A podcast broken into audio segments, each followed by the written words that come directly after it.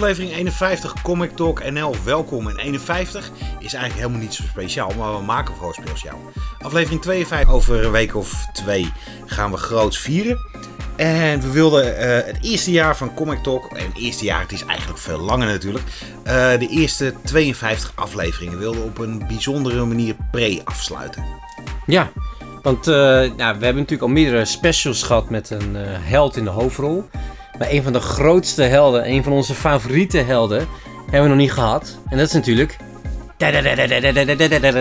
Batman! Dus wij hebben geen moet je hebbens. Wij hebben geen wat heb je gelezen. Wij hebben geen hidden gem. Maar toch hebben we ze ook weer wel. Maar dan eigenlijk allemaal in een speciaal Batman sausje.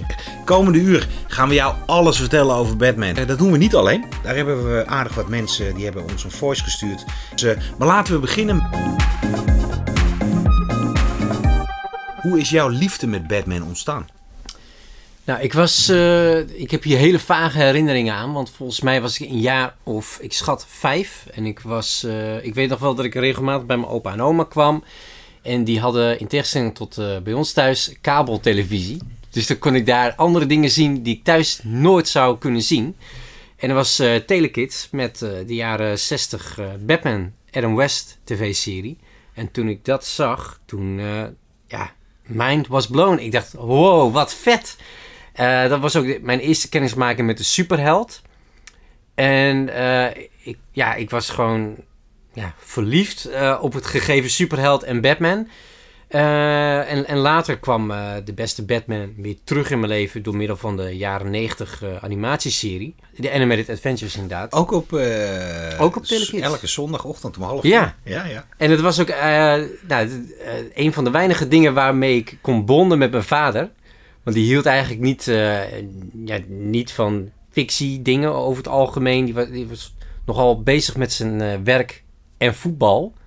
Maar Batman was de eh, gemene deler. Dus eh, elke zondagavond, eh, zondagochtend riep ik hem uit bed van kom op, Batman begint. En toen zaten we voor- samen voor de tv. Hij met zijn koffie en ik met, ja, weet ik veel wat.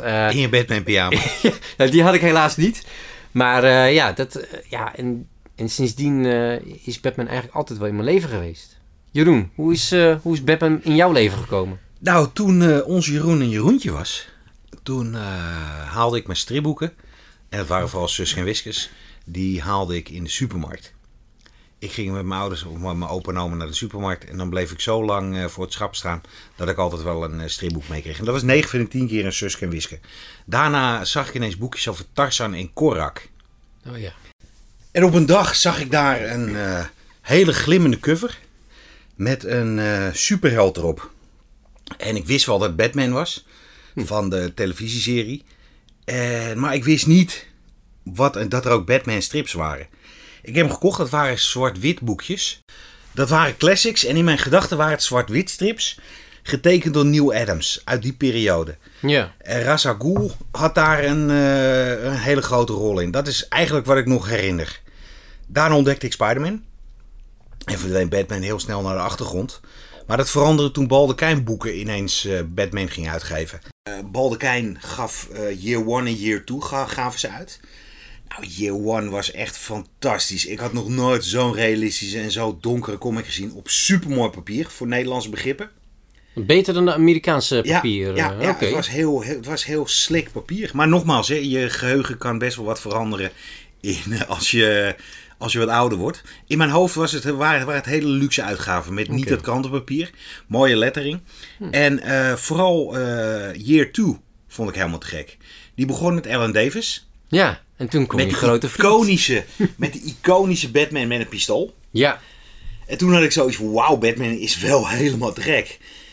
Eh, toen kwam mijn grote vriend Todd. En dit was het enige moment dat ik dacht, wat is Todd McFarlane een baas. En dat kwam vooral door die cape. Want hij Oh, maakte ja, die ja, cape zo freaking levend. maar werd hij ook niet... eh, volgens mij werd hij geïnkt door dezelfde inkter als eh Alan Davis. Volgens mij Paul Neary. En ik denk dat die tot toch een beetje kneden naar iets wat jij wel eh, kan waarderen. Ja, ik vond het hem. Ik heb hem laatst even uit de, uit de kast gehaald. En ik vind het nog steeds erg leuk. Hm. Dat eh, dingen. Het, het is niet zo overtrokken wat hij bij Spider-Man wel had. Ja, nee, het is in- inderdaad, ja. Daarna werd het liefst verhaal tussen mij en Batman Eh, dat werd doorlopend, maar met een hele hoop break-ups en weer goed maken. Want uh, ja, er zijn er mooie dingen verschenen, maar wat is er ook een bagger verschenen. En bij mij, ik vind het heel moeilijk om precies uit te leggen wat, wat de grootste bagger is. Want er staat altijd wel in, iets in wat wel heel tof was. Maar ik merk de laatste paar jaar dat als uh, Batman te veel gaat inzetten op crossovers. En dat, er een hele hoop dingen, dat ik er een hele hoop dingen moet bijkopen om het verhaal maar te begrijpen. Shadow War bijvoorbeeld, dat was gewoon niet te doen. Nee. Uh, ja, dus uh, wisselende, ik heb een wisselende liefdesrelatie met Batman. Ja, ik, ik dat herken ik. Uh, vooral in, in de comics. Het is ja, heel saai misschien voor deze podcast. Maar ik, bij, bij, crossovers van Batman haak ik eigenlijk ook het liefst af. Want denk, mijn god, gaan we weer. en ja, het is gewoon echt een knipperlichtrelatie. Soms heb je een goede run, zoals met Tom King. Ja. Uh, en merendeel ook goede tekenaars. Uh, maar zoals bij Scott Snyder vond ik heel tof beginnen. Dat verzandde op een gegeven moment ook langzamerhand met crossovers. En uh, die, die Zero Year, waar geen einde aan kwam. Dat ben ik op een gegeven moment ook bij afgehaakt. Ja, maar het nadeel dus, is wel, als je heel vlammend de poort uitgaat. Ja. Met de Court of Owls. Ja. Dan kan het alleen maar tegenvallen daarna. Ja, en, je, je, hoopt toch dat hij het gaat overtreffen. Ja, maar het is niet, niet gelukt. Als je dan kijkt, daar gaan we het straks over hebben, over de run van King. Uh, Tom King op Batman. Die begon heel rustig met een onbekende villain. Uh, met een uh, niet echt spectaculair. Maar die mm. bouwde op naar, een, naar iets fantastisch. Het was een gigantische ja. slow burn. Ik hou van Batman als Batman klip en klaar is. Ja. En klip en klaar, daarmee bedoel ik. Het is heel simpel. Bruce Wayne's uh, ouders worden vermoord terwijl hij erbij is. Hij heeft dat niet kunnen stoppen. En hij wordt Batman als een soort boetedoening en eerbetoon aan zijn vader en moeder. En omdat hij uh, misdaad wil stoppen in Gotham. Uh, daar, hebben, daar zijn verschillende schrijvers die hebben een psychologisch waanzinnige Batman neergezet. Maar als het te ver gaat, Alfred die doodgeschoten wordt, uh, Batman die samen met een hele, met een hele kinderboerderij uh, in een trailer uh, door Amerika reist. Ja, dan denk ik van jongens, ik vind het allemaal zo ver gezocht. Batman moet ja. gewoon simpel. Moet in Gotham zijn. Of moet in zo'n overtrokken situatie zijn dat het weer cool wordt. De miniserie waar we straks over gaan praten. Mm -hmm. Maar als het te, te, te bedacht wordt, te gekunsteld wordt, dan haak ik meestal af. En ja, na King, na King's Run had ik dat toch meerdere keren. Ja, ja, nee, daar sluit ik me wel bij aan. Als ik even terugdenk uh, aan, aan de Batman-toppers, die we straks uh, uitgebreid gaan bespreken, zijn het toch vaak de, de, de, ja, wat jij zegt, de klip-en-klare Batman. En niet uh, de Batman die met 10.001 superhelden dinosauriërs in elkaar gaat slaan of zo. Nee. En daar komt ook nog eens bij, er is te veel Batman op dit moment. Ja, nou, aan de ene kant is dat positief, want dan zou je zeggen voor ieder wat wils. Maar toch heb ik het gevoel dat, dat mijn smaak er vaak niet tussen zit. Ik weet niet hoe jij dat hebt. Maar... Nou ja, we, we, de nieuwe Batman van Zdarsky is fantastisch. Daar gaan we het straks uitgebreid over hebben. Maar uh, daarvoor er zitten. En de Batman moet overal een cameo in hebben. Yeah. Er zijn veel te veel miniseries. Uh, ze brengen nu Batman, de Zdarsky-serie, uh, wordt wel maandelijks in plaats van twee wekelijks. Gelukkig. En maar Detective gaat nog gewoon op twee wekelijks, geloof ik, zitten. En het is allemaal. Het is te veel. Het is, uh, en iedereen heeft een andere stem. Ik hou het even bij Batman 125. En een aantal hele toffe minis. En met minis kies ik het echt uit op artwork en schrijver. Ja, nee, dat doe ik ook. En ik, moet, ik ga er nog verder in zelfs. Dat ik, in de meeste gevallen wacht ik ook gewoon op de bundel. Zij het uh, hardcover trade paperback. Um, want dan, ja, dan heb ik het gewoon compleet. En vooral met die miniseries die gewoon echt een duidelijk begin meer en eind hebben eh, ja, werkt dat toch vaak wel het beste om het in één keer te kunnen verslinden. Is het misschien tijd voor uh, een lijstje? Het is, ik, ik vind het helemaal tijd voor een lijstje. En het leuke is, wij hebben nog nooit zoveel voorwerk gedaan op een aflevering als deze. We hadden een gedeeltelijk notes document en dit vulden we elke keer aan en dan belden we elkaar. Oh ja, dat is ook tof. En het was best wel moeilijk om van uh, al onze favoriete Batman, het waren er, uh, ik geloof dat we allebei minstens 10, 15 stuks hadden, ja, om die terug te brengen naar uh, vier stuks. Ja. Jij mag aftrappen. Alright. nou, we hebben dus onze beste Batman verhalen. Die, oh ja, met, met disclaimer moeten we ja, natuurlijk erbij heel zetten. belangrijk, heel belangrijk. we hebben de, de, allebei een top 4 van beste Batman verhalen samengesteld. Maar de, de bekende klassiekers zoals eh, Year One, Dark Knight Returns, Killing Joke. Killing Joke, die zitten er allemaal niet in. Want, nou ja, iedereen heeft ze waarschijnlijk gelezen. En mocht je dat nog niet hebben gedaan, ga dat doen. Want ze zijn terecht klassiekers. Wij vinden ze ook helemaal te gek. Maar wij hebben dus eh, ja, allebei een top 4.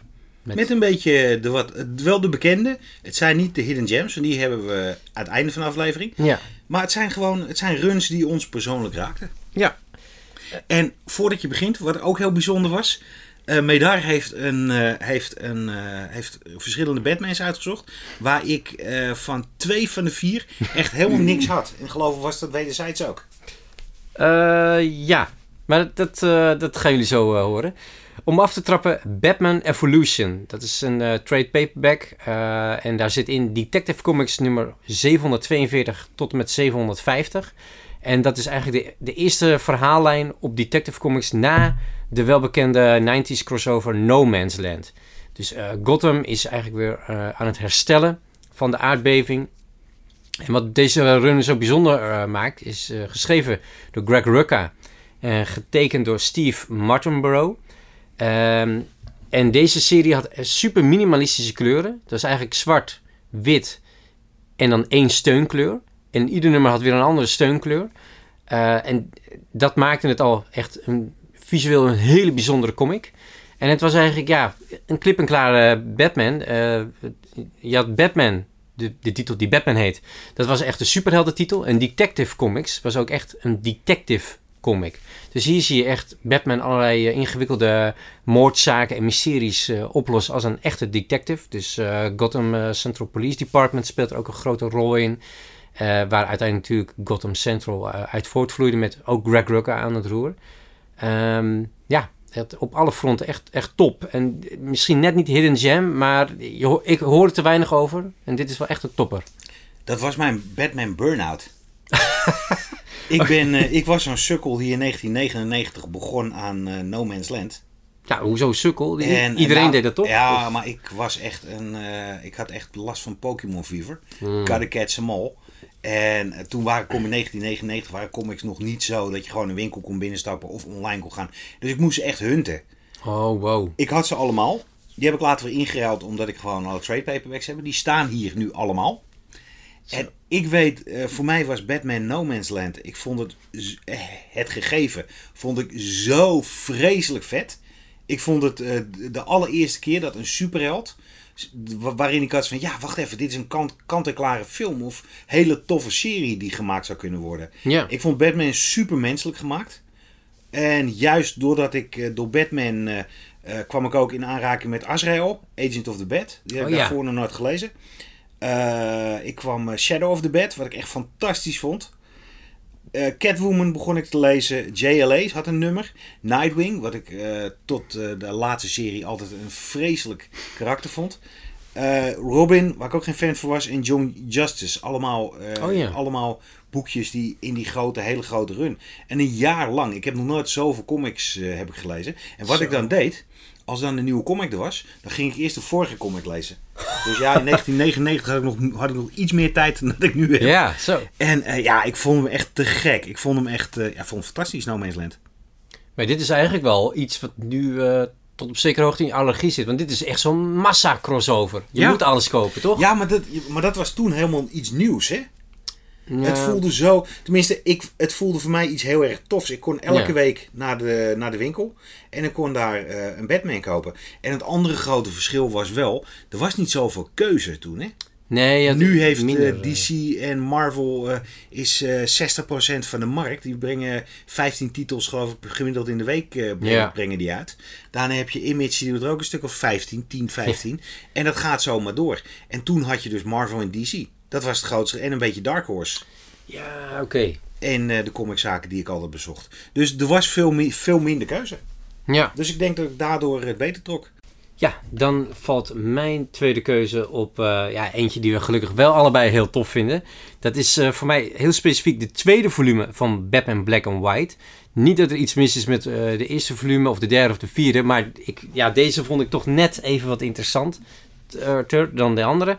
Eh, voor, wie het gegeven niet kent. eh, Batman Black and White begon eigenlijk als een soort backup strip in Detective Comics. Dat je gewoon elke maand een verhaaltje van pak een beet, uh, 6, 8 pagina's. Met als ja, overkoepelend thema, kort maar krachtig, zwart-wit en Batman in de hoofdrol. En later zijn het miniseries geworden. En volume 2 stamt uit 2013, 2014. En heeft onder andere korte verhalen door. En dit wordt een hele waslijst, maar let op. Uh, Tinian, Treadmore, G.H. Williams III, Paul Dini, Annie Kubert, Emma Rios, Sophie Campbell, Tom King, Mitch Gerards, Gabriel Hartman, David Aga, Zadarsky, Bradshaw, Daniel Warren Johnson, Elsa Charité en James Herron en John Romita Jr. En dit is echt nog maar een kleine greep van de vele namen die hier aan hebben meegewerkt. En het bijzondere van deze miniserie, ik hou dus niet zo heel erg van anthologies, en dit is er wel een, maar hierbij was elk nummer goed. En misschien uh, nou, twee, drie verhalen die ik niet zo vond, maar verder echt fantastische verhalen. Het was ook, de eh, stand, is ook de standaard voor alle, elke anthology-serie die daarna kwam. Ja. DC heeft zo goed zijn best gedaan met die uh, Batman Black and White. En volume 2 was fantastisch. Maar volume 1, Jim Lee onderhand. En uh, vreemd genoeg, ik zit net me, in mijn kast te kijken waar we in de Comic Cave het opnemen. Ik heb er, ik heb er helemaal niks van Black and White. Ja, kan ik bijna niet geloven. Ja, nee, maar... echt niet. Het is, een, het is eentje die ik binnenkort eens ga aanschaffen. Maar uh, ja, ik, ik weet nog wel dat elk nummer was het een feestje om te kijken wat je heel tof vond. Ja. En wat ook uh, Garth Ennis heeft een waanzinnig tof Batman verhaal uh, ook in black and white geschreven. Ik weet alleen niet in welk volume. Maar ja, het was gewoon een feestje. Ja, het was gewoon echt een, zoveel kwaliteit. En als je kijkt, Tinian, King, Sedarsky, dat waren allemaal toen nog de Young Guns die nog op het punt stonden om door te breken. Ja, want ik, ik had er voor deze aflevering ook even opgezocht hoe die nummers er ook weer uh, uitzagen. En ik, die Daniel Warren Johnson van uh, Duo Powerbomb en onder andere, die, die kende ik toen nog helemaal niet. Maar toen dacht ik, hè, hij heeft, gewoon al, hij heeft al een keer Batman gedaan en helemaal in zwart-wit. Hoe vet is dat? Dus het, is, eh, het, het, loont ook gewoon deze comics opnieuw te lezen. En het zijn allemaal korte verhalen, dus uh, je, je, pakt het er zo bij. Maar dit is voor mij wel echt uh, een essentiële Batman-serie comic. Een van mijn uh, andere favorieten is een uh, recentere, dat is Batman Damned. Ook wel bekend als de Pielemoos van Batman. Ja, dat is het eerste waar ik aan denk bij die titel. Ja. iedereen. Uh, als je nou denkt, de Pielemoos van Batman, onder welke steen heb jij geleefd? Nee, een paar jaar geleden introduceerde DC Black Label. En Black Label zou een vervanging tussen aanhalingstekens moeten zijn op Vertigo, waar de stekker van was uitgetrokken. En dan meer gefocust op superhelden. Een donkere superheld. Uh, en een van hun allereerste releases was Batman Damned. En het was gelijk damned vanaf het eerste nummer. Want uh, de tekenaar uh, Bermejo, Bermejo, die tekende namelijk de contouren van Batmans mannelijkheid. en in een bepaalde scène, als je dan de comic op een bepaalde manier in je hand houdt en er was een lichtval, dan kon je de pielemoos van Batman kon je zien. Ja. En er waren mensen echt echt weer boos over. DC die uh, heeft het, stuurde een mail naar de winkels dat ze allemaal vernietigd moeten worden. Ja, tuurlijk. En er ontstond een levendige handel. Uh, ik moet ook heel eerlijk zeggen, normaal als ik dan de trade paperbacks, uh, want ik heb de mooie hardcover waar de gecensureerde versie in staat, dus daar hebben ze gewoon iets zwarter ingekleurd. Ja, ja. maar ik heb de andere heb ik ook nog steeds. Oh. Maar het is niet omdat het een, omdat Batman zijn mini Batman daarin, daarin zat. Waar, dit is gewoon geschreven door Brian Azzarello. Dit is gewoon een ouderwets back to the roots uh, Batman detective verhaal. Batman is een badass in deze, in deze serie. Dat is echt niet te geloven. Uh, Bermejo heeft een tekenstijl die semi-realistisch is. Toch een hele duidelijke dat het, ja, dat, dat toch een comic is. Ja, fantastisch. Het is echt een. Ik heb hem voor deze uitzending heb ik hem weer gelezen. En nou, na jaren staat hij nog steeds als een huis. Zo. En het bijzondere was, dit is het, de, het debuut van een van de belangrijkste en persoonlijk een van de tofste labels die die zie op dit moment voert. Het Black Label. Ja, ja, het is ook meer gericht op, op volwassenen. En regelmatig ook op een Europees formaat dat maakt deze comic ook bijzonder. Een lekker groot uh, albumformaat. Ja, en uh, voor degene die vraagt, die denkt hartstikke mooi, maar waar gaat het over? Oh, ook belangrijk. dat is ook wel de, heel kort, de Joker is dood. En uh, wie heeft dat gedaan? Wat is Batman's rol erin? Het is psychologisch, het is gelaagd, het is super spannend. En het is keihard, het is noir. Maar at the heart of it is het gewoon een heel goed superheldenverhaal. Voor volwassenen. Dan is mijn derde, eh, ja, Batman, Black Mirror. Dat is eh, het debuut van eh, Scott Snyder, die vervolgens eh, Batman eh, ja, een soort van nieuw leven in heeft geblazen. En volgens mij iets van vijf jaar lang heeft geschreven. Black Mirror was op eh, Detective Comics. Eh, met twee tekenaars. Je hebt Jock, die de, als, als ik het goed zeg, flashbacks tekent. En Francesco Francavilla, die doet eh, het heden. Of het was andersom. Maar je hebt in ieder geval twee tijdlijnen. En dat is, ja, het, het, verhaal speelt zich af over twaalf nummers. Er is een moordmysterie, dus het is weer echt, zoals, zoals ik graag Batman zie, als een superheld die eigenlijk meer een detective is. Een soort Sherlock Holmes. Eh, en met narigheid uit het verleden van eh, James Gordon met eh, een van zijn kinderen die vaak wordt vergeten in de geschiedenis. Super spannend, met best wel wat horror of thriller elementen. Je zou het enigszins kunnen vergelijken misschien met de, de film Seven. Een beetje die sfeer heeft het voor mij. En het grappige is, wat, wat niet heel veel impact op het verhaal heeft, vind ik. Maar op dat moment in de geschiedenis is Dick Grayson Batman. Want Bruce Wayne is eh, zogenaamd overleden.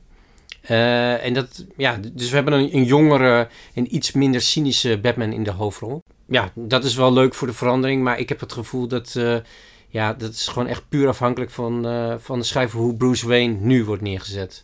Dus inwisselbaar enigszins in dit verhaal. Maar ja, dit is wel een, een van de recente toppers. Of een recent. Inmiddels twaalf jaar geleden. Maar wel echt een, een hele mooie eh, comic. En dit was ook voor mij de, de kennismaking met eh, Francesco Francavilla en Jock. En wat een mooie kennismaking was dat. Ja. Neem ik je mee naar 1989.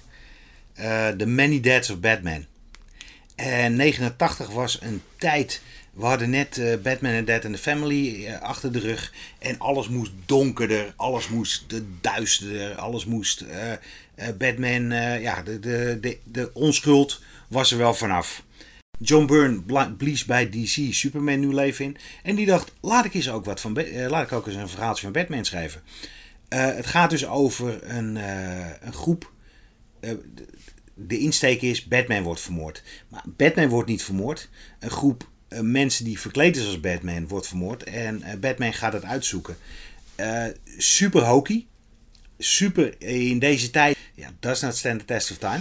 Maar de pacing in het verhaal en de tekeningen zijn echt waanzinnig. En tekeningen bij Jim Aparo, een van mijn favoriete Batman tekenaars. eh, vanwege de klare lijn. Maar daarover straks meer. Ik weet nog dat ik eh, eh, van Baldekijn boeken een van die covers in mijn handen had. Die vond ik ergens op vakantie. En dan heb je op die cover heb je Batman in een mortuarium met James Gordon naast hem. Ja, En dan heb je op al die platen een dode Batman. Eh, en ik dacht van, hè? Hoe, hoe, hoe zit dit verhaal in elkaar? Want ik, ik was een jaar of eh, tien. Dus ik, ik had al een heel verhaal in mijn hoofd bedacht. Maar ik, ja, toen als kind gelezen vond ik hem tof. En later, eh, nou, voor mij vijf jaar terug eh, weer eh, herlezen. En het, het blijft een hele vermakelijke comic. Het is misschien de, dat voor moderne maatstaven niet de allerbeste. Maar het is wel, ja, wel gewoon echt een hele leuke Batman comic is het. Met goed tekenwerk inderdaad. Ja. Dan is mijn laatste over goed tekenwerk gesproken. Paul Pope. Is een soort eh, rockster van eh, de begin jaren nul. Eh, die mocht, ja, volgens mij is het niet Vertigo, maar het was wel een, een bijzonder uitstapje voor DC. Hij mocht een Batman Year 100 doen. Dus dit gaat over een Batman ja, in het jaar eh, 2100 of zo. En het is een soort kruising tussen Nosferatu en, en, en Bruce Wayne. Dus het is een Batman met een heel slecht gebit. Die ook eh, ja, sist naar criminelen. Een hele bizarre motor, een hele bizarre eh, Batmobile.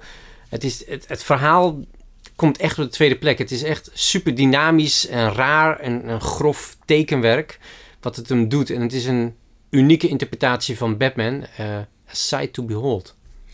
Het is wel acquired taste. Ja, Want als is- jij van Batman houdt en je bent gewoon standaard comicliefhebber, dan ga je dit echt niet trekken. En Nee. ik, weet, ik weet nog wel dat hij in de winkel lag. En dat ik hem meenam. En de reden dat ik hem meenam was dat iedereen eh, die, er wat, die er wat over vond, die vond het zo fantastisch.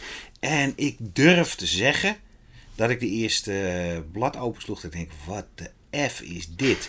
en ik heb doorgezet en ja, nee, hij ontbreekt ook in mijn collectie. Ja, Ik vond het meer eh, style over substance. En iedereen, Ja. het, het was de it-boek. Je moest dit tof vinden. Ja. Maar de- het is ook leuk dat ook een hele obscure bij jou eh, erin zit. Ja, ja nee, maar ik ben het helemaal met je eens trouwens dat het stijl over substance is. Het, het is. eh, het verhaal komt echt duidelijk op de tweede, of misschien zelfs derde plek. Maar ik vind het tekenwerk is gewoon, ja, zo had ik Batman nog nooit gezien. Nee. En eh, ja, Zwart-wit ook, toch?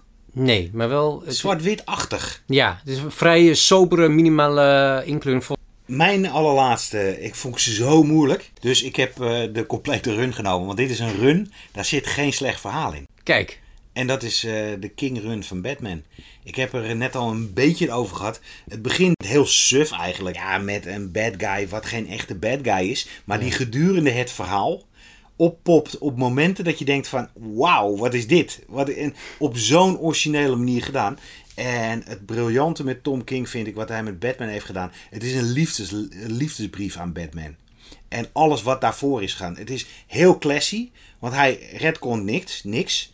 Maar hij introduceert wel een hele hoop nieuwe dingen. ja, Eh, de, het liefdesverhaal wat hij krijgt met Catwoman. ja, Dat is niet zo als, in vorige, als het in vorige comics was. In eh, deel 1 o- of in deel 100 ontmoet hij Catwoman. In 101 wordt hij verliefd. 102 liggen ze in bed. En 103 zijn ze uit elkaar. Want ze kunnen niet samen. Ze kunnen niet samen. Dat komt allemaal voor in die relatie. Maar dat wordt uitgetrokken over 10, 20 nummers. Of misschien wel meer. De comic zou eigenlijk in die tijd, de Batman comic, zou Batman featuring Catwoman gaan. Speelt een hele belangrijke rol. En dan is er één nummer. En nou, dat is misschien wel het beste Batman wat de afgelopen decennia's is geschreven. En dat is het moment dat eh, Clark Kent en Lois Lane op double date gaan met Bruce Wayne, Bruce Wayne en eh, Selina Kyle. ja, Eh, dat is, het voelt zo echt. De dialogen die erin zitten zijn zo goed. De artwork is fantastisch. Heb jij King nog niet gelezen? De run, ga dat doen. Er zijn zes hele mooie hardcovers van verschenen. Batman voelde ineens echt. Dan Batman niet. Bruce Wayne voelde ineens echt. En ik denk dat de kracht van King was dat Bruce Wayne misschien wel de hoofdrol speelde in plaats van Batman. Ja, en dat is knap, want je ziet in, eh, in heel veel Batman-verhalen is, is Bruce Wayne vaak bijzaak. Dat zie je ook vaak in de films. Maar eh, Tom King, die, die bracht Bruce Wayne eh, meer naar de voorgrond, maakt het een meer uitgediept personage. En dan heb je dus niet alleen maar verhalen die over de Dark Knight gaan, maar ook eens een keer over Bruce Wayne. En die double date is echt de highlight van die Tom King run, wat Ja. mij betreft. Ook super mooi getekend voor mij door eh, Clay, Clayman, of is het Michael Janin? Allebei. Het is echt ja. een. eh, Nee, maar ze hebben alle tekenaars die, eh, die, elk, die elke run deed. Eh, Finch is begonnen daarmee. Ja. Die hebben allemaal iets bijzonders. Ja, ik moet wel zeggen dat ik Finch de minste vind. Maar als, als dat de minste is, dan, dan heb je het wel goed voor elkaar. Lee Weeks heeft ook eh, tegen Ja. het einde ook een hele mooie. Lee Weeks is toch mijn held na Daredevil. Ja, En ja, ja, die- ja, vo- en vo- een briljante manier om... eh, een briljante tekenaar van Batman. ja. En dat is ook eentje die al heel lang meegaat. Dus dat vind ik ook wel petje af. Ja. Dit, eh, Het laatste gedeelte, dat is het enige. eh. Ik vond zijn einde vond ik nogal gerushed. Maar het schijnt dus dat hij heel snel eraf werd. Van de een op de andere dag werd beslist dat hij Batman niet meer deed. Omdat Tinian de hele alle serie zou overnemen. Maar hij maakt nu toch een soort van zijn run een beetje af, Af met die met Batman, en Catwoman. Ja. En dat voelt een beetje als je heel lekker getafeld hebt. En je hebt eigenlijk geen zin in een toetje. Maar je neemt het toch omdat een toetje wel lekker is.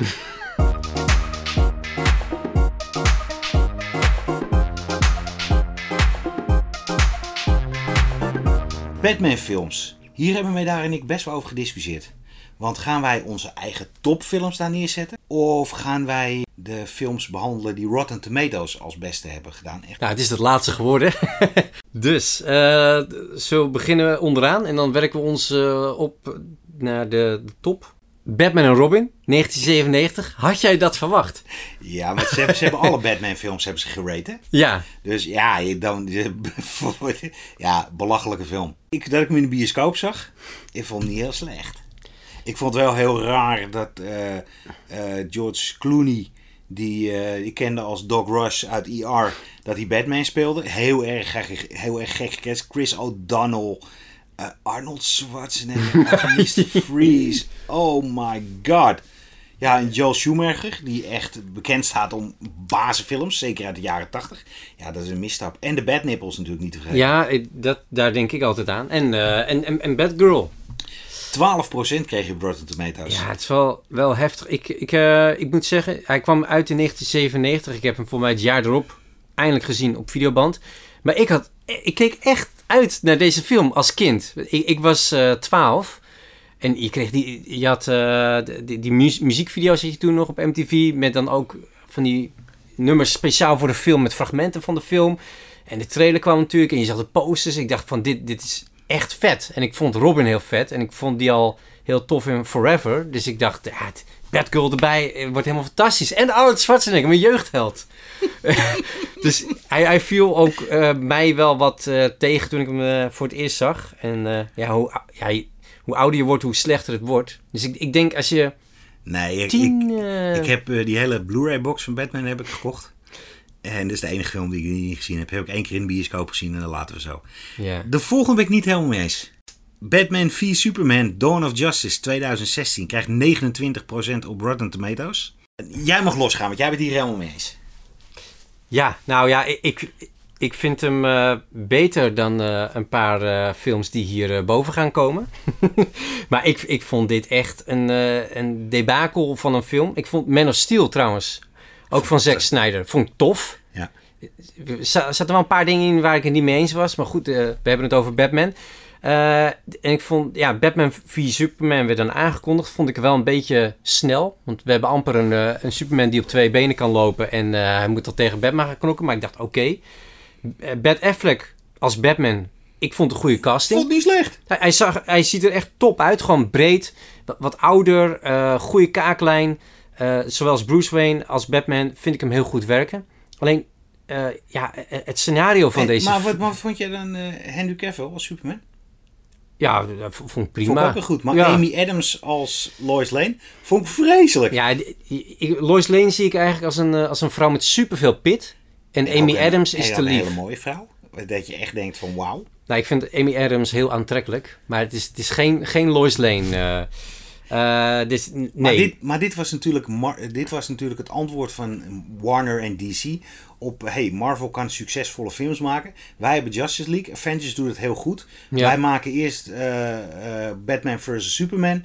En het heet ook Dawn of Justice. Mhm, Als- Hint, hint. Hij komt ooit. Ja, ik, ik vond het geen slechte film. Het is toch de film dat je op het einde dat je erachter komt dat eh Martha Kent en Martha. eh, Ja, ik zweer je, dat was voor mij een verrassing. Ik zat er in die film te kijken. En ik, hey, funk, dat is ook zo. ja, oké, ja dat, dat was voor mij ook een verrassing. Maar ik vond dat dat de reden is dat we dan maar niet meer met elkaar gaan vechten. Ik, ik, ik, ik, ik vond het scenario eh, gewoon niet goed. Visueel zijn Zack Snyder films altijd super mooi. Er is geen één Marvel film die mooier is dan al zijn DC films. Dat, daar zweer Ja. ik echt bij. Alleen eh, qua scenario gaat het steeds mis. En, dus ik zou Zack Snyder heel graag een keer willen koppelen aan, eh, aan een goede schrijver. Of twee. Het is de Todd McFarlane van, van de filmindustrie. Ja, ja dat, voor mij wel. Daarna hebben we een tekenfilm, Batman the Killing Joker 2016. Eh 36%. Ik heb hem niet gezien. Ik heb hem ook niet gezien. Ik heb er wel over gelezen dat er aardig wat eh, extra plot is aan toegevoegd aan het eh, klassieke verhaal. Weet je wat ik met die En- tekenfilms vind? Ze, ze volgen eh, een, een storyline die vaak zo iconisch is, Ja. dat het ja, niet nodig. Ja, dan eh, Batman Forever 39%. Dus we zitten al bijna op een voldoende. 1995. Eh, de eerste film eh, door Joel Schu- Schumacher. Dus dit werd iets kleurrijker, iets kinderlijker. Iets meer Jim Carrey. Oi. Ja, nou, ja. Nee, dat vond ik vreselijk. En Oh. ik vond Val Kilmer, Kilmer, ik vond eigenlijk vanaf Batman tot en met, tot en met Nolan het overnam, Ja, is er voor mij geen Batman geweest die eruit zag als Bruce Wayne.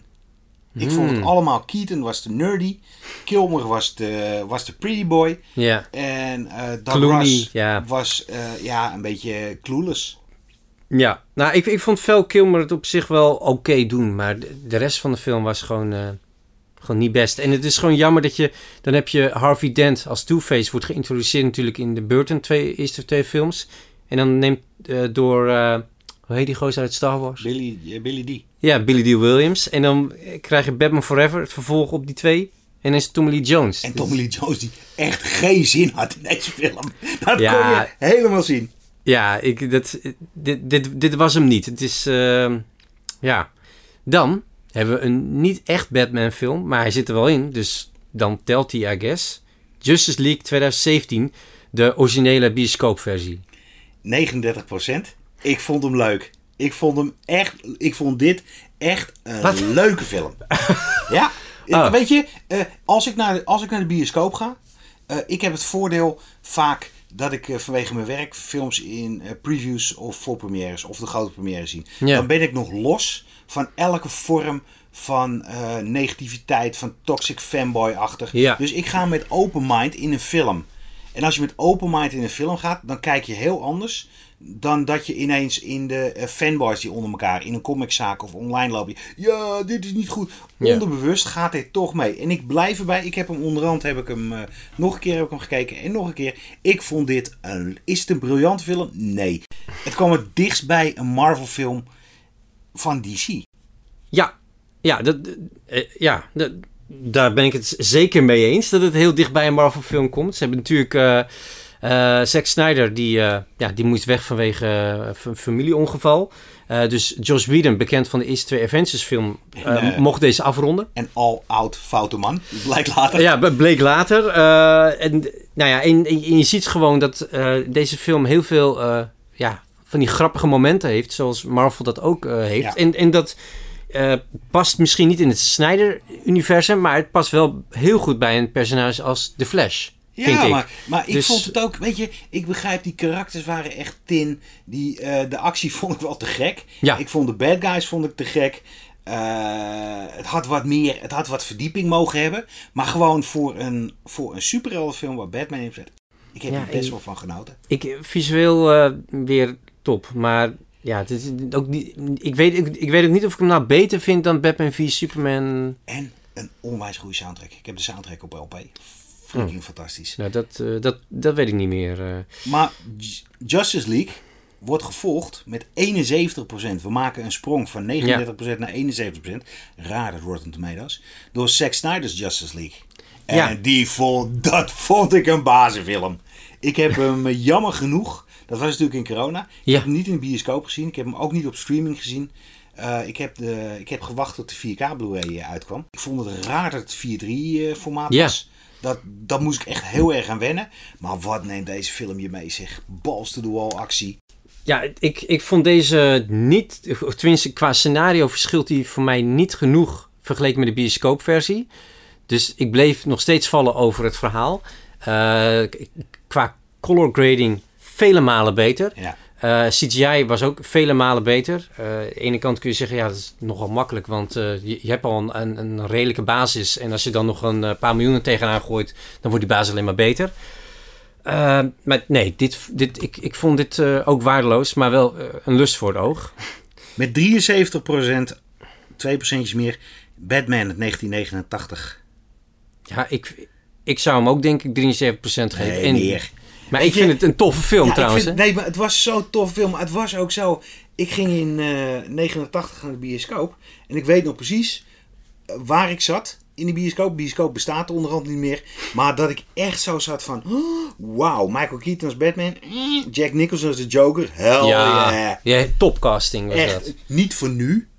Want het zou, ik denk dat Ja, die is wel heel oud Ja, nee, maar stel dat hij ook op de, hij deed een beetje op een potserige manier. En, eh, maar ja, ik vond dit echt te gek. En ik weet nog dat ik eh, eh, met eh, hele hoge ogen, hele grote ogen zat te kijken van wat is dit tof. Ja, ja ik heb hem veel later gezien, want in 89 was ik vier. Ik heb, Ik zal me niet zeggen hoe oud ik was. Oh! maar ik heb wel videoboot gezien en ik, ja, ik was heel erg onder indruk. Ik vond Michael Keaton een beetje...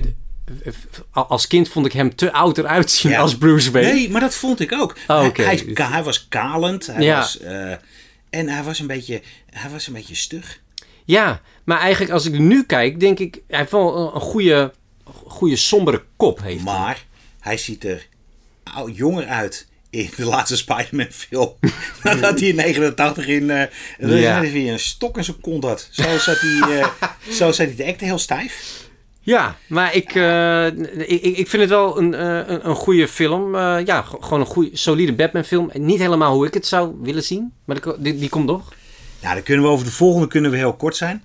Het grootste gedeelte van Amerikanen en een hele hoop mensen die nostalgie hebben, die komen op Rotten Tomatoes. Want Batman uit 1966 krijgt 79%.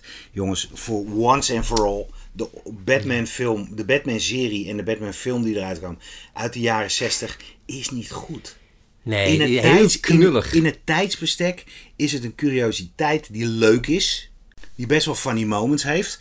Ik heb, eh, ik had de, ik, ik zei ik heb, maar ik bedoel ik had. Ik had de Blu-ray box. oh. En eh, dat is de enige die ik heb gekocht en die ik gelijk weer doorverkocht heb.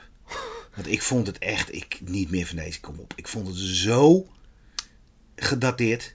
Dus Ja. eh, ik zeg bij deze uh, Toedeledokie, trek hem door.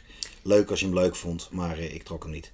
Oh, nee, nou, dit is eigenlijk gewoon meer voor jonge kinderen, denk ik, nog leuk. Want ja, Ook niet. Nou ja, dan, dan houdt het op. Dan, dan- ja, curiosa. De volgende Ja, vond ik wel weer helemaal te gek. nou, ik vind dit zelfs eigenlijk...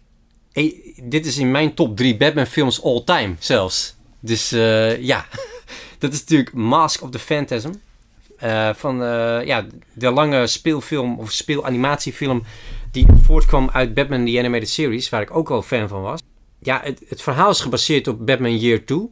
Eh, en ja, animatie qua techniek is misschien een beetje, als je er nu op terugkijkt, hij, is uit 1993, is het wel wat goedkoop. Maar het verhaal staat als een huis.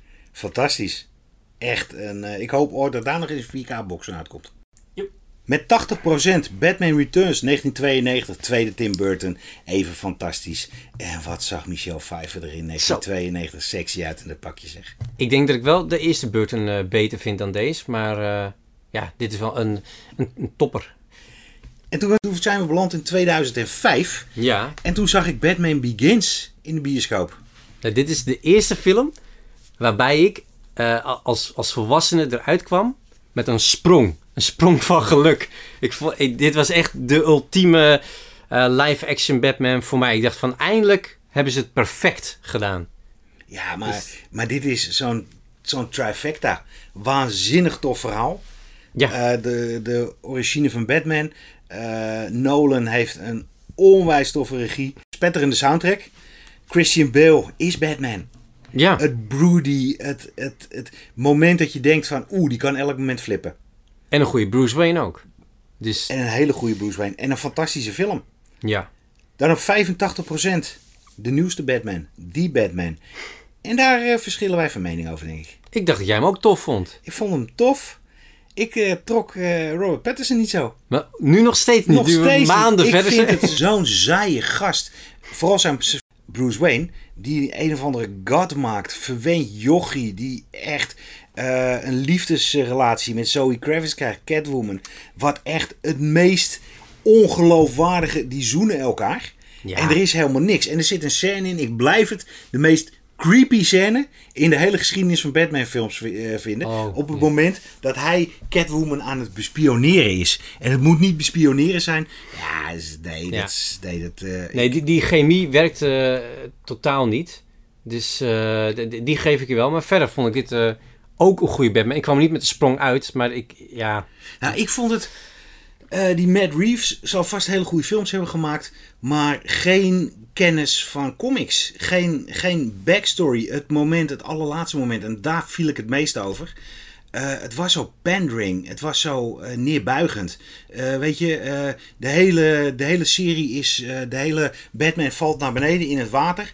En dan komt er een heel groot shot van... Heeft hij uw nek gebroken? En dan komt hij eruit met heel veel tromgeroffel. En, ja als een soort Jezus En- Christus. exact. eh, En dan komen alle inwoners van Gotham zijn boos op hem. En dan komt er een klein jongetje naar hem toe. En dan is alles weer goed.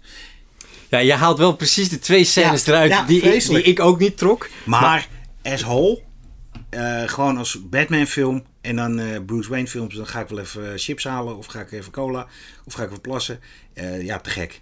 Ja, En ik blijf erbij. Dat die, de componist hiervan, dat hij niet aangeklaagd is. want die ript gewoon de Darth Vader team van eh, John Ja. Williams eh, meerdere keren. We zijn eh, in de top 3 gekomen. En ik kan natuurlijk eigenlijk... Ja, dit is wel een inkoppertje, denk ik. Maar ja, The Dark Knight van eh, Christopher Nolan. Wie had hem niet verwacht? Met de andere Batman had ik hem gewisseld. Ja, ik Oh, de, oh, The Dark Knight. Ik hou- Ah. De Dark Knight komt ook op een van deze drie plaatsen. En ik had stuivertje gewisseld. Ja, maar dit is natuurlijk The Dark Knight Rises. Ja, Ja. de derde in de trilogie. En dit vond ik fantastisch. Ik vond die been te gek. Ja, ik vond spektakel groots. Een American voetbalwedstrijd die eh, letterlijk en figuurlijk in een sinkhole eindigt. Eh, ik vond het viscerale van het knokken van Batman. Wat bij de vorige Batman al een beetje begon. Maar nu had je echt zoiets. Batman die is een knokken op één manier. Zoveel mogelijk bloed en zoveel mogelijk terror. Eh, de- ik, ik vond eh, dit derde deel minder. En ik snap eerlijk gezegd niet dat hij boven Batman Begins staat. Maar Nou, sterker nog, Ja. ik had hem hoger gehad. Maar ja. Nou, de volgende is heel bijzonder. Ja ik, deze had ik dus niet verwacht. Want ik, ik kom er net achter dat in deze lijst één film mist. Geen idee waarom. Eh, maar, waardoor ik dus helemaal verbaasd ben dat deze wel in staat. is de Lego Batman movie. Nu ben jij een grote Hij Lego-fan. is fantastisch. Lego Batman heb ik eh, in eh, een paar weken voor de première gezien. En ik kwam, ik liep met een andere journalist naar buiten. Hij zei, doe even normaal joh, je lijkt wel een kind. ik had echt, ik had een smile op mijn gezicht. Nou, die, is, die, die was niet af te slaan. Zo, Het is zo'n plezierige, leuke, verrassende Batman film. En ondanks dat het voor kinderen is en ondanks dat het een heel happy peppy eh, intro heeft, is het nog steeds The Dark Knight. ja. En het is niet zo, niet, niet zo erg als eh, Nolan. Maar eh, ja, ik vind hem zo leuk. Will Arnett, de stem van Will Arnett als Batman. Ja, dat is perfect. Fantastisch. En ook eh, het mooie met eh, de Lego Batman movie was dat, ze, dat het net zo was als Disney films van vroeger.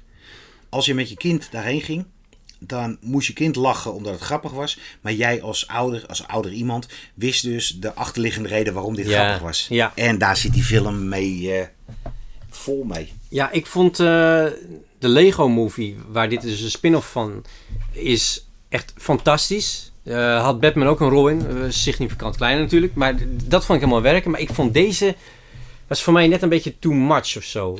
Want we zijn met nummer 1. ta, ta, ta, ta. Nou, welke zal het zijn?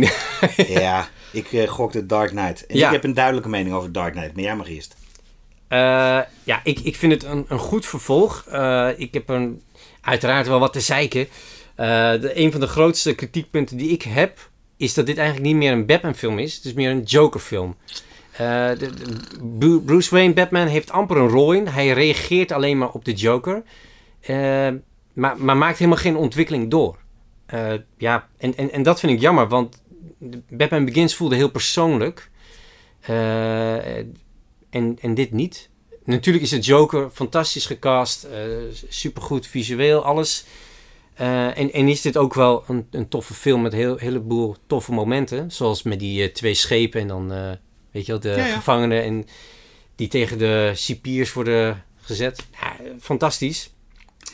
Maar, Maar, ja, zou deze film ook zo hoog eindigen en zo hoog bij, kritiek, eh, bij critici als Heath Ledger geen zelfmoord had gepleegd? ik denk dat eh, de helft van de mensen er niet eens naartoe was gegaan in de bioscoop. ik denk dat, want het, het, het voordeel tussen aanhalingstekens eh, was dat de film bijna episch werd. Hè? Ik weet nog wel, weken daarna werd er op televisie, eh, nadat Heath zichzelf van het leven had beroofd, werd er gediscussieerd of de Joker, zijn rol als Ja. de Joker, misschien wel de reden was. Ja. Ja. wat waanzinnig marketing voor, voor film is, hoe vreselijk het ook is. Ja. En daarbij komt ook nog eens, ik denk dat daardoor deze, films, ook- deze film ook epische vormen heeft gedaan. Want als je gewoon alle drie Batman films van Nolan naast elkaar ziet, dan vind ik dit zeker niet de beste. Maar ja, het grote publiek wel. Ja, dus wij hebben het mis. Eh, ja, dan als toetje, eh, een film die ik miste is eh, Batman Beyond Return of the Joker. Dat is een spin-off van de Batman Beyond serie. Dit Nee. was echt een toffe Ja? film. Ja, met Mark Hamill. film toch? Ja, Oké. ja net, net als Mask of the Phantasm is dit ook dus een, een, een spin-off van eh, een Batman animatieserie. Mark Hamill die terugkeert als de Joker. Spoilers, maar hey, het zit in de titel. Eh, het is gewoon een super creepy verhaal met een hele lange flashback wat er tussen Batman Beyond en Batman The Animated Series is gebeurd met eh, onder andere Robin. Ja, echt gewoon, gewoon een kippenvel verhaal. En een supergoeie weergave van wat de Joker kan doen. Ja, ik denk dat het... eh, ik, de uh, schiet me nou eens binnen, er staan wel meerdere tekenfilms niet in. Nee, oh, Dead nee. and the Family is ook gedaan. En eh, die Red Hood en zo. Red Hood. Dat was een eh, best wel een lange bevalling. Maar eh, super interessant volgens mij. We gaan het ook heel kort over games hebben. En dat kan niet anders. Ik ben eh, van Ja. origine gamesjournalist.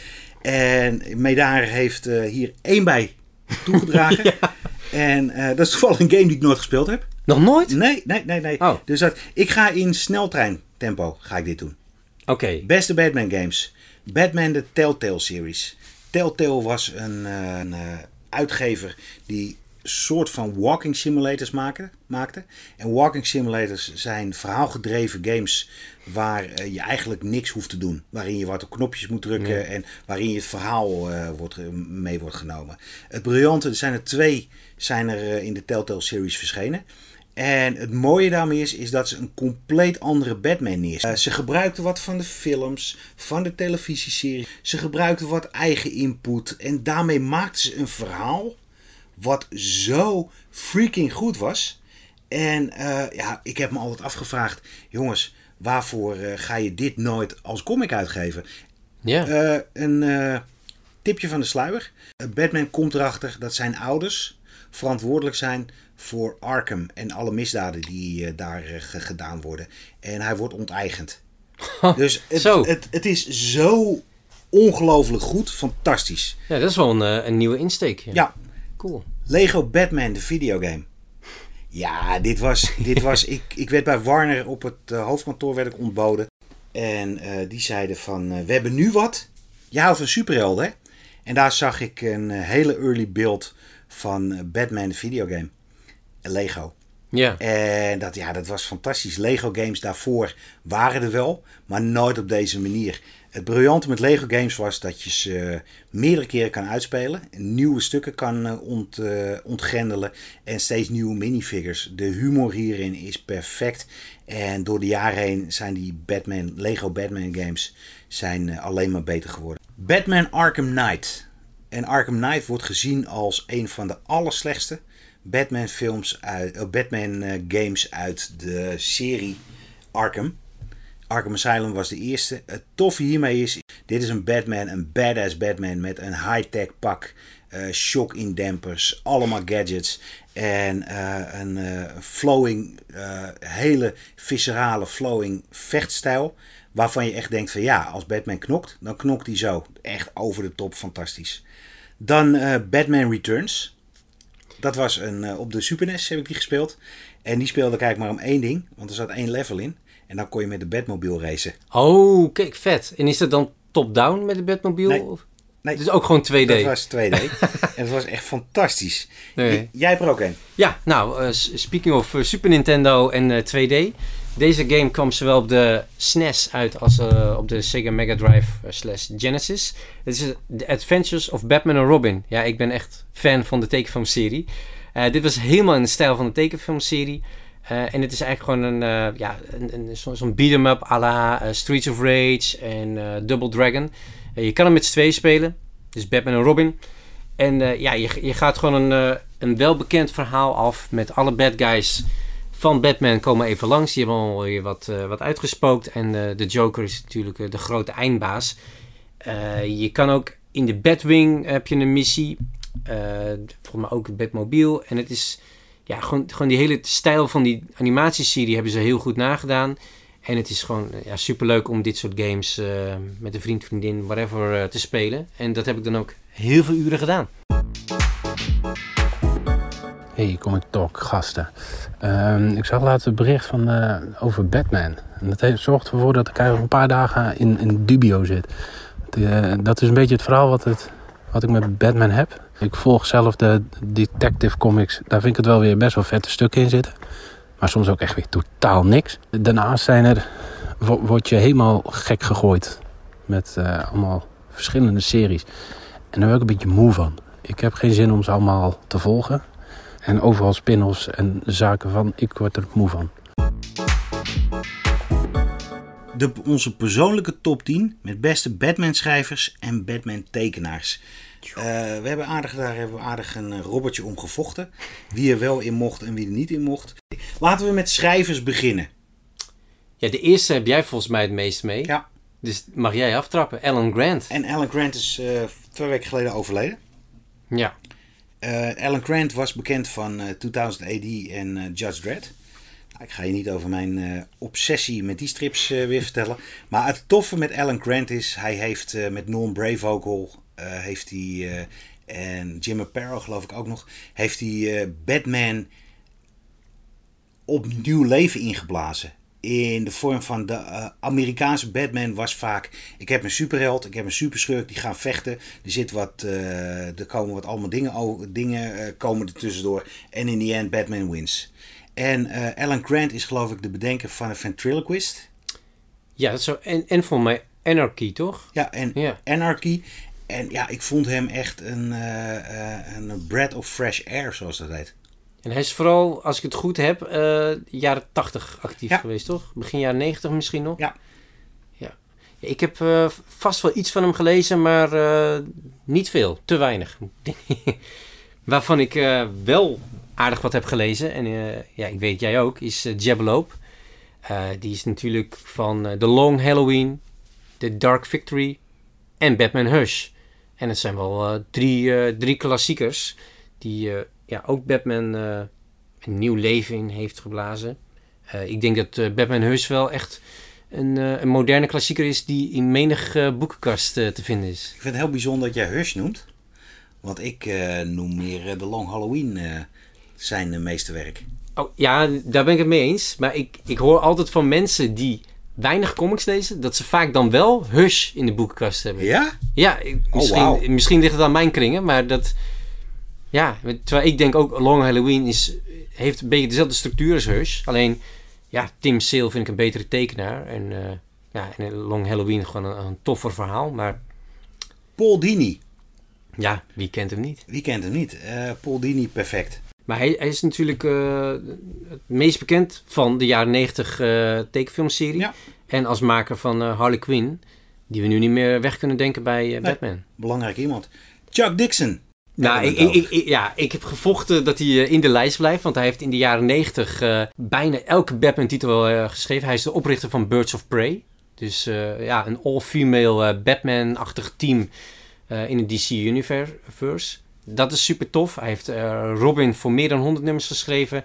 Nightwing heeft hij tig nummers van geschreven. En de Batman en Detective hoofdseries heeft hij ook een flinke tijd geschreven. Weet je wat ik altijd met Chuck denk? Misschien no? komt het voornaam. Ik zie Chuck echt een sigaarrokende, gun-carrying Amerikaan. Die, hij heeft Punisher natuurlijk heel veel. Ja. Punisher heeft hij gedaan. Misschien komt het daardoor. Eh, ik weet het niet. Nee, hij is ook pro, pro ja, hoe zeg je dat? Uh, voor fi firearms. Ja, uh, NRA, Trumpy. Ja, dus, dus hij is wel uh, zeer conservatief. Maar ondanks dat, en ik, ook, ik krijg waarschijnlijk nu heel veel haak, maar on, ondanks dat zit hij wel een hele goede Batman neer. En hij heeft twee van mijn favoriete series geschreven, die niet in de lijst staan. Batgirl Year One en Robin Year One. Fantastische ja, miniseries. Dus ja. Waarvan akte? Danny O'Neill. Ja. Ja, Godfather. Ja, sowieso als, als redacteur natuurlijk. Volgens mij 15 jaar lang als Batman. Waaronder voor Year One. Dat hij Frank Miller en David Mazzucchelli ja, samenbracht. En hij heeft ook zelf wel wat Batman geschreven. Een andere hele belangrijke. Die niet zoveel heeft geschreven. Mm -hmm. Maar wat hij heeft geschreven. Dat dendert nog steeds door in alle vormen van Batman Entertainment. Zo. Dat is meneer Alan Moore.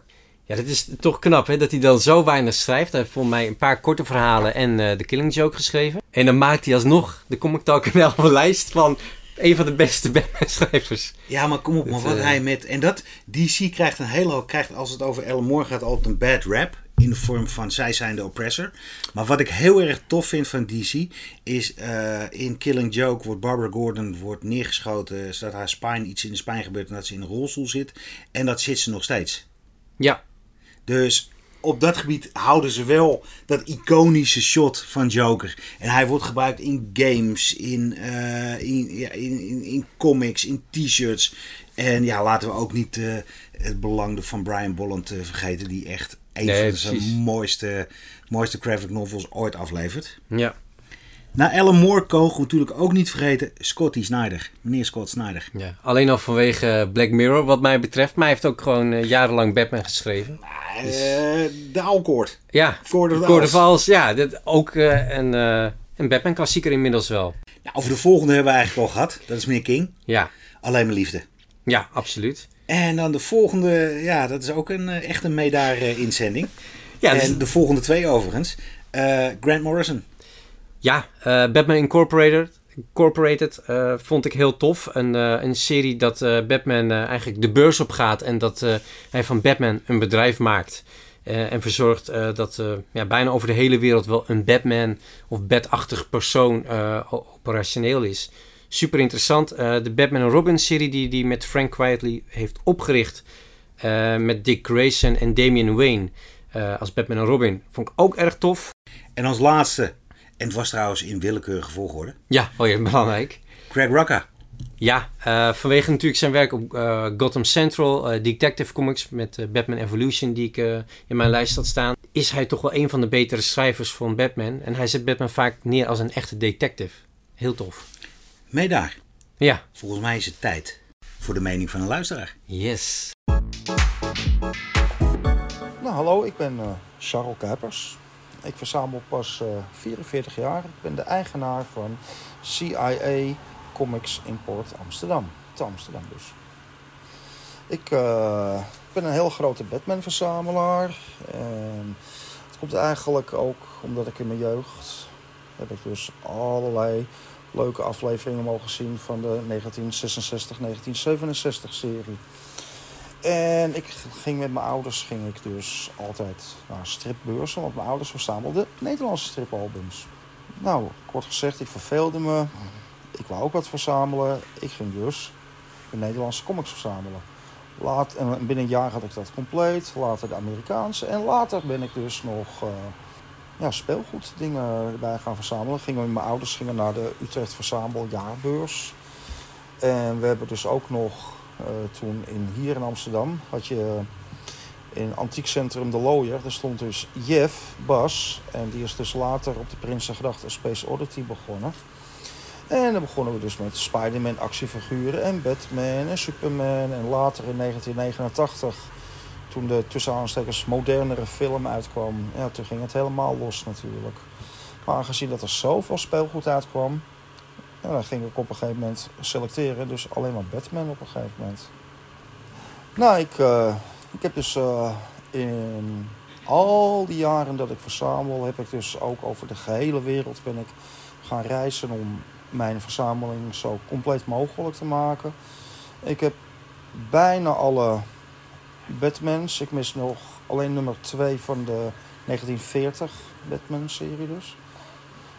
Ik mis nog 24 delen van Detective Comics. En dat is dan nummer 27 tot en met 37 in ieder geval. Ik heb dus nummer 38.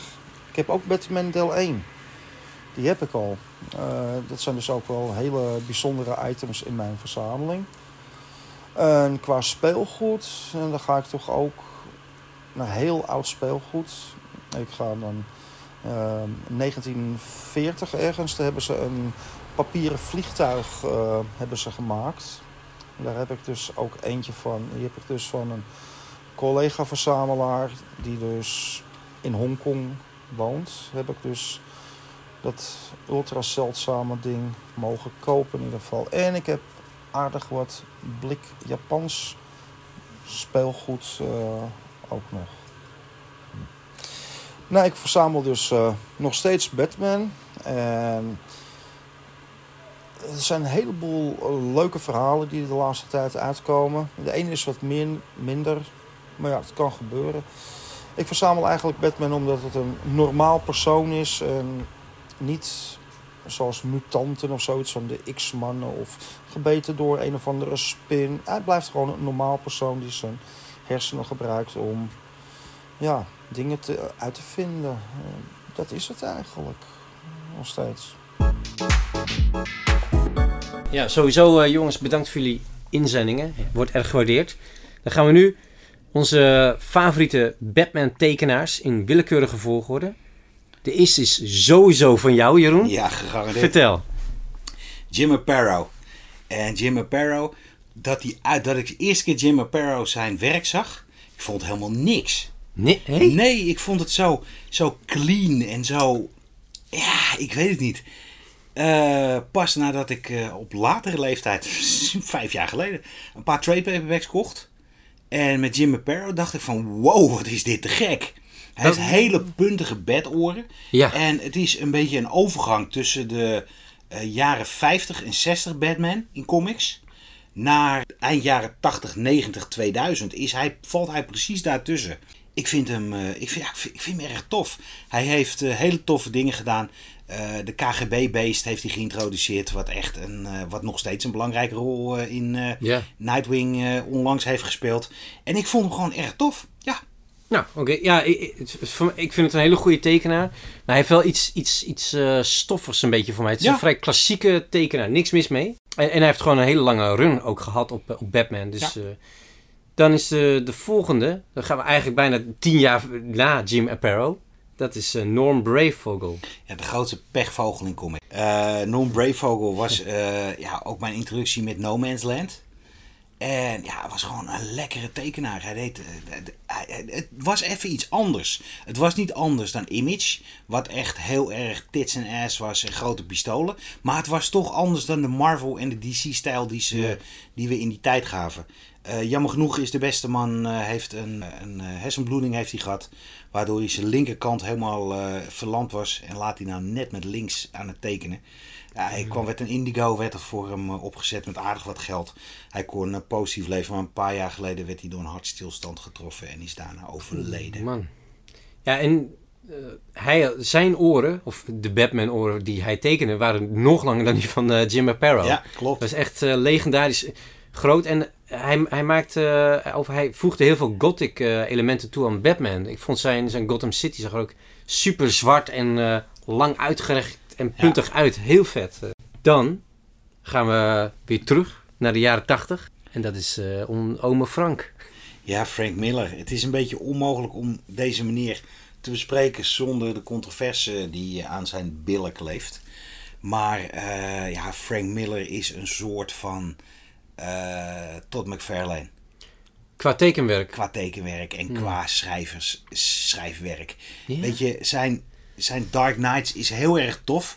Maar het tof van Dark Knights is het idee. Want de comic zelf is niet per se fantastisch. Maar wat tof is, is dat er een oude Batman is. Dat er een jonge Robin is. Wat een dame is. Hij was een tijd ver vooruit. Ja. Eh, die, die Superman, die andere wereld, de vertelstijl met de panel grid die helemaal uit elkaar getrokken werd. Maar style over substance, heel veel tekst. En het nadeel is, er zijn onderhand drie series die daaruit voor zijn gekomen. En die waren allebei bagger. Ja. Dus het origineel was, had een te gek idee. En eh, ja, Batman als old fart, die eigenlijk te dik is met spieren en eh, die tegen Superman zegt, come and get me. Ja. Dat is ja, iconisch. Echt, daarvoor hoort die beste man, hoort hier zo. Maar eh, ik hoop dat hij nooit meer Batman gaat tekenen. Nou, ik, ik vind zijn tekenwerk eh, fantastisch, maar zijn, zijn schrijfwerk vind ik de laatste pak een beet eh, 10, 15 jaar vind ik niet meer zo eh je van net. Zoals hij eh, Batman Year One schreef, fantastisch. Maar goed, we hebben het over zijn tekenkunst nu. Ik vind zijn, eh, zijn Dark Knight eh, tekenwerk echt fantastisch. Het latere werk eh, wat hij voor Dark Knight Strikes Back, dat tweede deel, Ja. dat, was hem niet helemaal... En de, f- de, wat- de deel wat daarna kwam, die twaalfdelige, die heel erg Ja, de Master door- Race. Jim, Jim Lee. Had ik zoiets van, ja, weet je, been there, done that. Cut the t-shirts, cut the comics en now go away.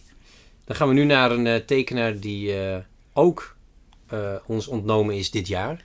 Neil Adams. Ja, Ja, Neil Adams was mijn, eh, de reden dat, ik, eh, dat mijn Bat- Batman-obsessie aangewakkerd werd. En idem dito met Jim Aparo en Norm Brayvogel. Eh, ik, ik heb ze echt super leren waarderen in latere jaren toen ik trade paperbacks eh, kocht. En zag van, wow, dit is echt... eh, En wat ik met Adams helemaal te gek vond en wat hij in zijn latere werk dus niet meer had, was dat er, eh, het had iets super dynamisch. Ja. Ja, en hij is natuurlijk ook mede uitvinder van de Ra- Ra's al Ghul. Eh, en, ja, en, en hij, heeft gewoon, ja, hij is wel een van de beste Batman-tekenaars van de jaren, eind jaren 70, begin Ja. jaren 80. Nou, Jimmy, Jimmy Lee. Ik loop eh C2E2 in eh grote Comic Con in Chicago. En daar loopt de editor van, de toenmalige editor van DC, Oh, Dan de Dio. Dan de Dido Ja. en Jim Lee. En ik was op de retailer eh, dag en ik zei, hey Mr. Lee, ja, I'm busy. En hij loopt zo voorbij. Ik denk, wat ben je voor een arrogante vlerk. Zo, nou oké. eh, Dat, en Dan de Dido was heel erg leuk. Aan de andere kant, als Jim Lee een, eh, een, een, een panel doet, dan is hij altijd aan het tekenen. En ik heb het, in vorige Comic Talk heb ik het al eens verteld. Iemand die dan de leukste vragen stelt. Want hij is, hij is niet zo van presentaties geven, maar hij doet gewoon een Q&A. ja, En iedereen die, iemand die de leukste vraag stelt, krijgt aan het einde krijgt zijn Batman sketch. vet. Ja, dat is heel erg tof. Ja, en Jim Lee, holy chips, wat heeft hij coole dingen gedaan met, met Batman. Ja, ja ik, denk dan gelijk aan, eh, aan eerder genoemde Hush. Ja. Eh, dat was voor mij sowieso een bijzonder moment. Want Jim Lee was voor mij, en ik denk voor heel veel mensen, de X-Men tekenaar. En ja, hij werd steeds meer en meer een zakenman. En vervolgens tekende hij misschien eens per jaar een covertje of zo.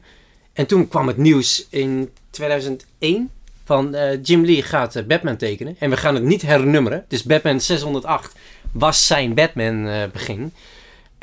En het waren twaalf delen. Kwam volgens mij redelijk op tijd uit. Misschien een paar weken vertraging af en toe. Eh, ja, het was mind blown. Het was eigenlijk een, een droom die uitkwam. Want na X-Men dacht ik, die man wil ik op, op Batman zien. Dan hebben we weer een topper. Dat is natuurlijk...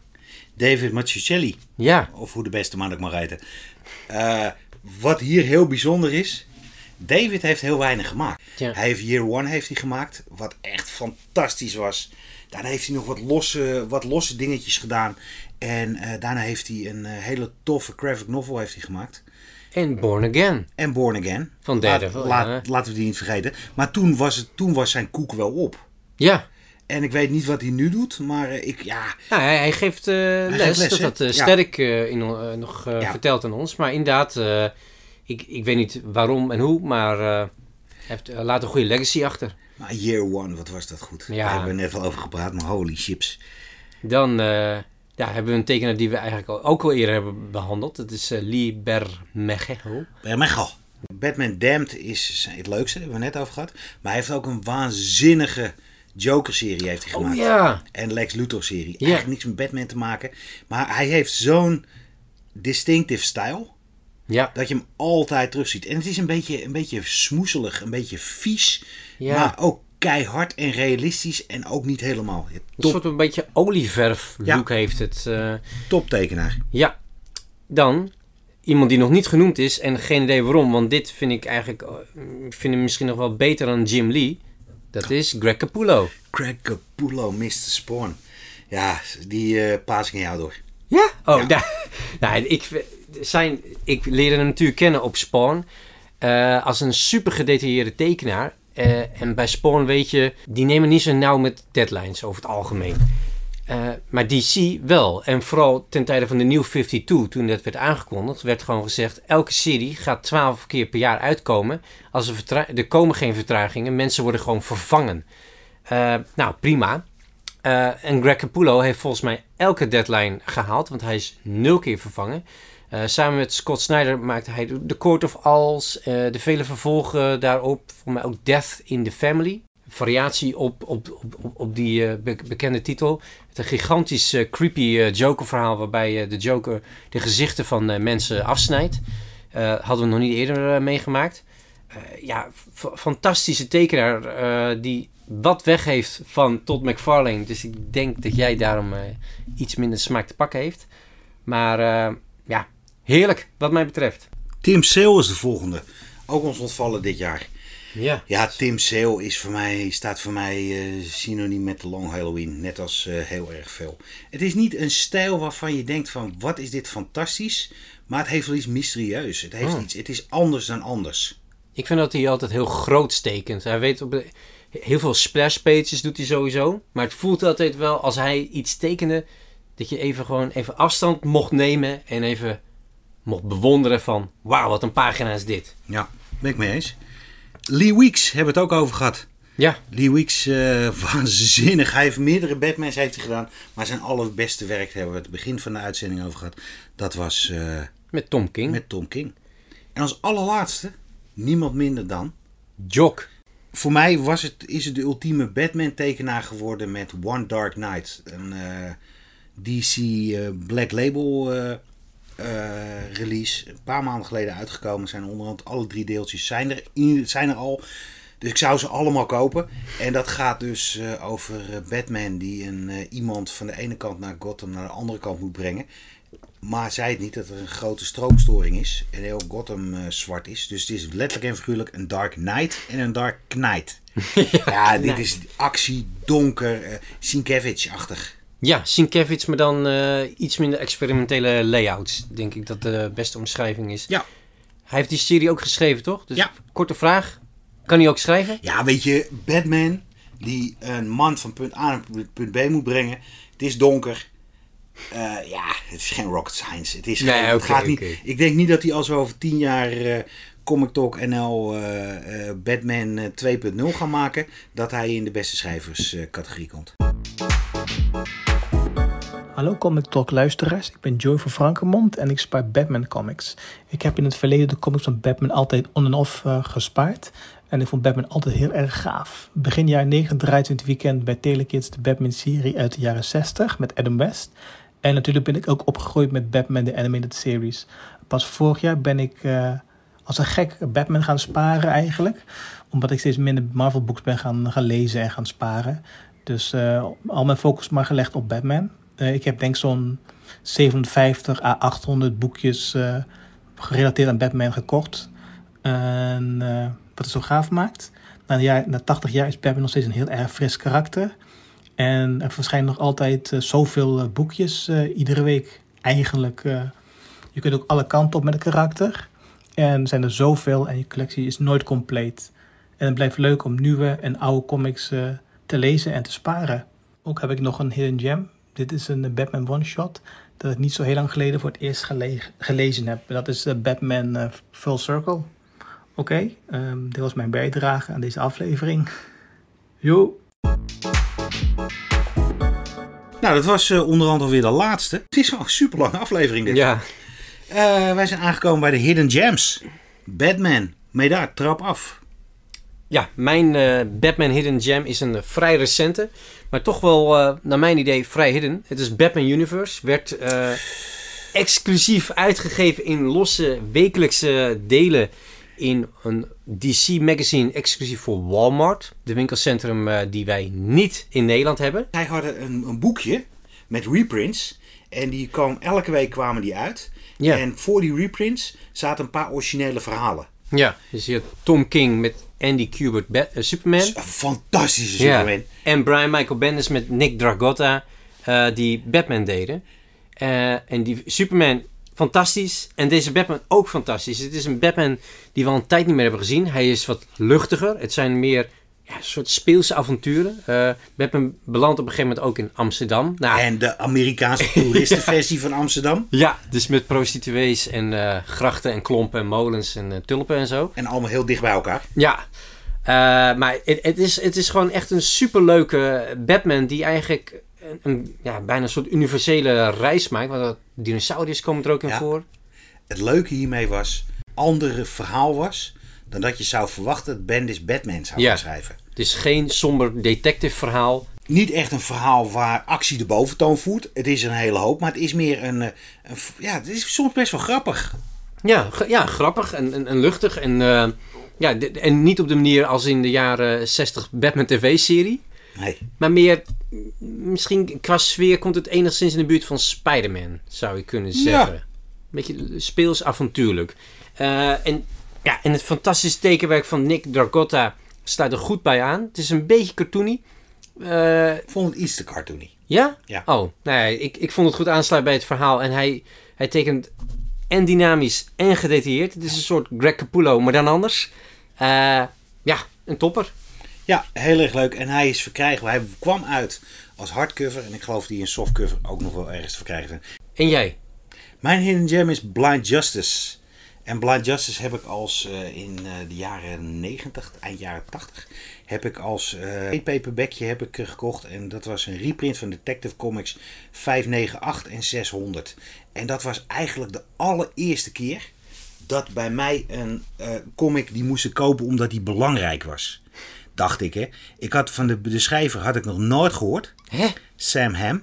Maar dat is de schrijver van de 1989 film. Exact. Maar, eh, Maar dat wist je als jij, toen jij naar je videoband van Batman keek, en ik hem al zes keer had gezien, had je echt niet. Oh, dat is geschreven door Sam. Nee, dat is pas als je wat ouder wordt, dan gaan die schrijvers van films belangrijker worden. En ik had ja. geen idee.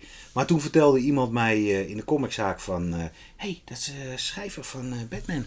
En toen had ik zoiets van, oké, hebben. Ja, dan ma dat maakt hem inderdaad belangrijk. Ja, getekend door Dennis Cohen. Krasserig, past wel heel goed.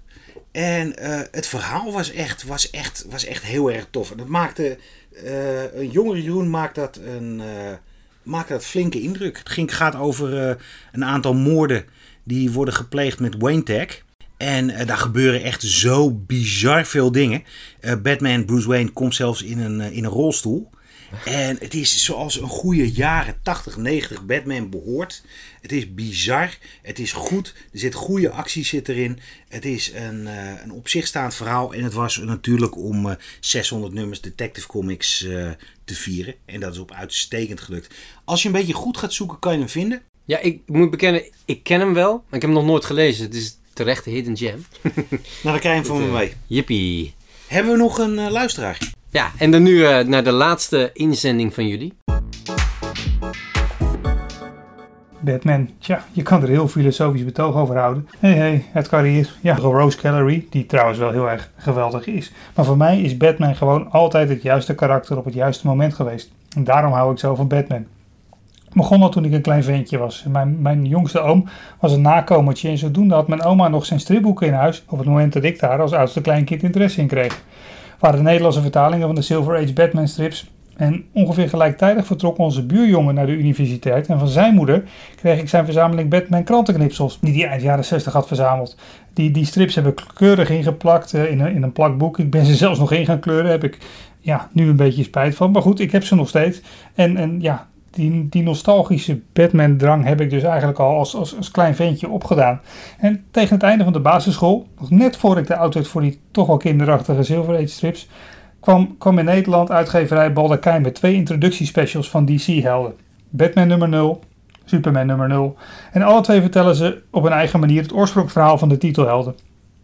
En met name Batman sprak mij aan. Er zit een heel whodunit plot in. En eh, ik vond het ook wel heel tof dat, dat hij het pak van zijn vader daar, eh, daar, daarin te- zien had. eh, die, die ook al een vleermuis was geweest. En dit, dit was de Nederlandse vertaling van wat ik later begreep. The Untold Legend of the Batman. geschreven door Len Wein. En getekend door John Byrne en, en Jim Aparo. Waren direct mijn favoriete tekenaars. En ik probeerde als kind ook hun tekeningen na te tekenen. En dat lukte niet echt. Nou ja, die, die Baldacijn strips die heb ik echt verslonden in mijn jeugd. Dan moet ik wel zeggen dat ik ook een groot verbruiker was van de Junior Press Comics. eh, waar, waar Marvel bij werd uitgebracht. Maar die stonden gedurende de jaren 80 tot net wat verder weg van me. Peter Parker en Mary Jane waren op dat moment ja, verloofd en uiteindelijk getrouwd. En die hadden voor relatieperikelen. Daar kon ik als 13-jarig ventje niks mee. En Batman, ja, die loste gewoon misdaad op. Geweldig. Eh, maar ik ben dus ook wel met Batman mee volwassen geworden. In de late jaren 80 kocht ik eerst die, die omnibus met de Nederlandse vertaling van Frank Miller's The Dark Knight Returns. En daarna het op stripboekformaat uitgegeven The Killing Joke. Ik vond het geweldig. En dan Year One en Year Two kwamen daar kort achteraan. Of misschien tussendoor, dat weet ik niet precies meer. En rond diezelfde periode werd ook Jason Todd nog eens om zeep geholpen in The Death in the Family. Nou, als je dan tussen de 14 en de 16 bent, zoals ik, en dan de ene na de andere legendarische Batman-titel komt op de markt, ja, daar kunnen geen X-mannen of Spider-Mans tegenop. Ik moet ook nog wel even de Norm Norm Brayvogel Batmans noemen die in die periode zijn uitgekomen. Die hoekige tekeningen van hem, die vond ik geweldig, vind ik nog altijd geweldig. Misschien is hij wel mijn favoriete Batman-tekenaar. Eh, en dan vergeet ik ook nog bijna dat in die periode de Batman-film van Tim Burton daar nog overheen kwam, met de soundtrack van mijn grote muzikale held Prince. Nou ja, die soundtrack viel wel tegen, maar dit, dit is echt wel de fundering van, van mijn liefde voor Batman. En zo was Batman eh, steeds eigenlijk weer met, met een iconische verhaallijn op speciale momenten in mijn leven. Eh, in 1993 ging ik studeren. En hoewel ik voor die tijd al her en der Amerikaanse comics op de kop tikte, waren het in het dorp waar ik toen woonde, ik woonde in Monster, eh, eh, waren die heel lastig te krijgen. En ineens kwam ik toen elke dag langs meerdere comicbookstores in Rotterdam en Den Haag. Dus ik kocht me suf, ditmaal aan Amerikaanse titels, trade paperbacks van series die ik al in het Nederlands had gelezen. En, en ja, en, en, nu is het nogal gedateerd, maar toen was Nightfall echt een event waarvoor ik steeds weer naar de winkel ging om te vragen van is er alweer een nieuw deel. En een paar jaar later kwam ook nog eens de Long Halloween van Tim Sil met Jeb Loop eroverheen. Ja, geweldig, nog altijd mijn favoriete. Aflevering 51. Ik, eh, eentje voor de recordbooks. Ik geloof dat we een tijd geleden hebben dat we zo'n lange uitzending hebben Ja, gemaakt. ik, eh, het zou kunnen, ik weet niet hoeveel eruit gaat in de edit, maar het zou kunnen dat dit de langste aflevering van Comic Talk NL tot nu toe is. En ik weet dat er een aardig wat luisteraars zijn die daarvan van houden. Eh, wij houden er een stuk minder van. Niet om vol te praten, want dat gaat heel makkelijk. Maar edit-wise is dat eh, nog wel een klus. Ja. Eh Meedar, ik wil jou bedanken voor eh 51 afleveringen. eh, bijna 51. Jij hebt er aardig wat gemist. Oh ja, ja, ja dankjewel. nou oké, voor het eh, eerste, eerste volledige seizoen van Comic Talk NL. We gaan eh, Ja. over twee weken gaan we het met een knal gaan we het afsluiten door een eh, live Comic Talk eh, te vieren in eh, CIA. Daar zij hebben nog enkele kaartjes voor. Dus heb je daar interesse in om daarbij te zijn? Stuur ons via onze social media stuur ons een berichtje. En wie weet krijg jij wel een invite. Ik vond het heel gezellig. En we gaan Ja. het tweede seizoen gaan we nog beter maken. Ja, dan gaan we weer even aan tafel zitten voor eh, nieuwe plannen. Laat ons weten wat jij van deze special vindt. Moeten we dit meer doen met andere superhelden? Welke superhelden? Ja. Laat het ons weten. Je kan ons volgen, liken en subscriben op, eh, ja, op, op eh, Facebook, ja. Instagram en natuurlijk op je favoriete podcastplatform. En eh, neem, neem contact met ons op. Wij Ja, reageren laat van je terug. horen. Laat van je horen. Comic Talk NL werd mede mogelijk gemaakt door Comics Import Amsterdam, de goedkoopste, de rommelig, rommeligste en leukste comicwinkel van Nederland en omstreken. Yes. En natuurlijk eh Jouk Fris, bedankt voor de muzikale omlijsting. En Ties T-Bar in de Jan Evertse straat. Lekkerste thee. Moet je ook gewoon even heen gaan. Oké, dat was hem dan Dat weer. was hem weer. Meida, dankjewel. Tot Dankjewel, eh, over twee weekjes. Yes. Doei doei. Hoi hoi.